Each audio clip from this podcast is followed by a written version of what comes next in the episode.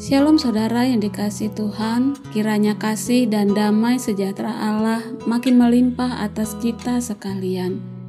Senang menyapa saudara kembali di hari baru ini, Selasa 22 Juni, dan berbagi berkat Tuhan dalam suara pastoral GKI Kota Modern. Mari kita berdoa. Selamat pagi Bapa, syukur atas kebaikanmu yang tiada habis-habisnya kau curahkan bagi kami, termasuk hari ini. Dan sebagai tanda syukur dan kasih kami, tolonglah supaya kami bisa menjalani hari ini seturut kehendakmu saja. Kiranya firmanmu senantiasa menjadi pelita bagi kakiku dan terang bagi jalanku. Dalam nama Tuhan Yesus kami berdoa. Amin. Firman Tuhan hari ini kisah para rasul 17 ayat 16. Sementara Paulus menantikan mereka di Athena, sangat sedih hatinya karena ia melihat bahwa kota itu penuh dengan patung-patung berhala. Sangat sedih hati. Hal apa dalam hidup ini yang bisa membuat saudara menjadi sangat sedih? Dan ketika itu terjadi, apa yang akan saudara lakukan? Mungkin ada beberapa hal yang membuat setiap kita sangat sedih, dan masing-masing kita berbeda peristiwanya. Tapi, mari kita perhatikan diri kita kembali. Hal apa yang seharusnya membuat kita sangat sedih hati? Saat itu, setelah Paulus tiba di kota Athena, dia segera memulai kembali tugas panggilannya seperti biasa memberitakan kabar baik kepada orang-orang yang ia jumpai. Kemudian dia mulai mengelilingi kota itu, melihat-lihat kehidupan orang-orang di kota tersebut, dan di sanalah rasa sangat sedih hati itu muncul.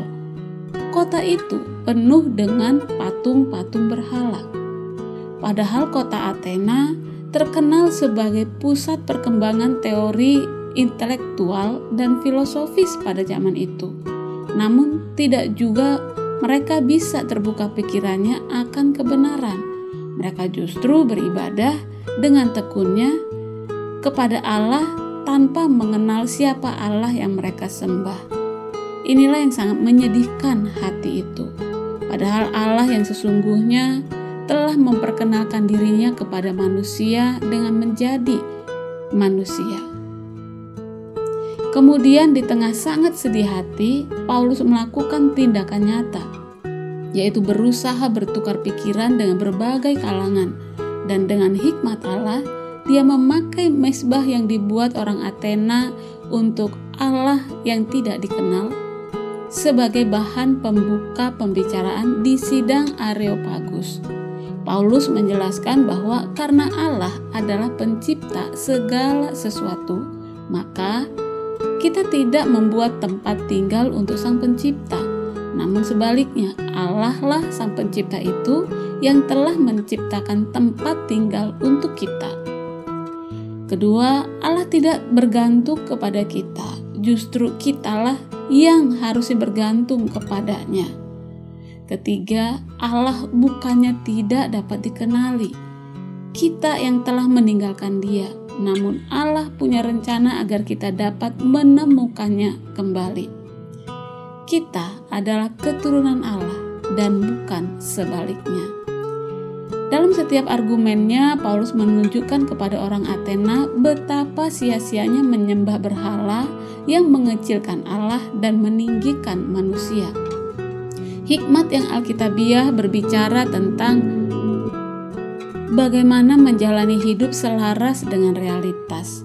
Permulaan hikmat adalah takut akan Tuhan. Saudara-saudara, bagaimana dengan kita? Adakah kita pun sedih hati melihat orang-orang yang belum menyembah Allah yang benar, yang sebenarnya dapat dikenali? Atau jangan-jangan kita sendiri pun masih memiliki berhala di zaman ini? Entah itu berupa hobi, mancing, otomotif, koleksi barang-barang mewah, atau masih hobi melacur, atau karena sesuatu hal yang membuat kita menghabiskan banyak waktu, media sosial, drakor, sehingga tidak lagi cukup waktu untuk duduk diam di hadapan Allah Sang Pencipta. Berhala kita bisa menyebabkan kita tidak lagi mau dengan sungguh mengenal Allah.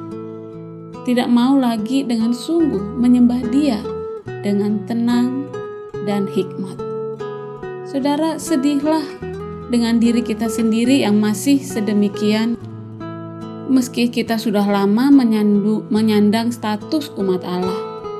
Bangkit, ajarkan lagi mereka dan diri kita sendiri kita perlu waspada dan bertobat setiap harinya. Kiranya Allah Roh Kudus menolong kita supaya kita bisa didapati Allah seorang yang bersungguh-sungguh menyembah Allah yang benar, yang dapat dikenali.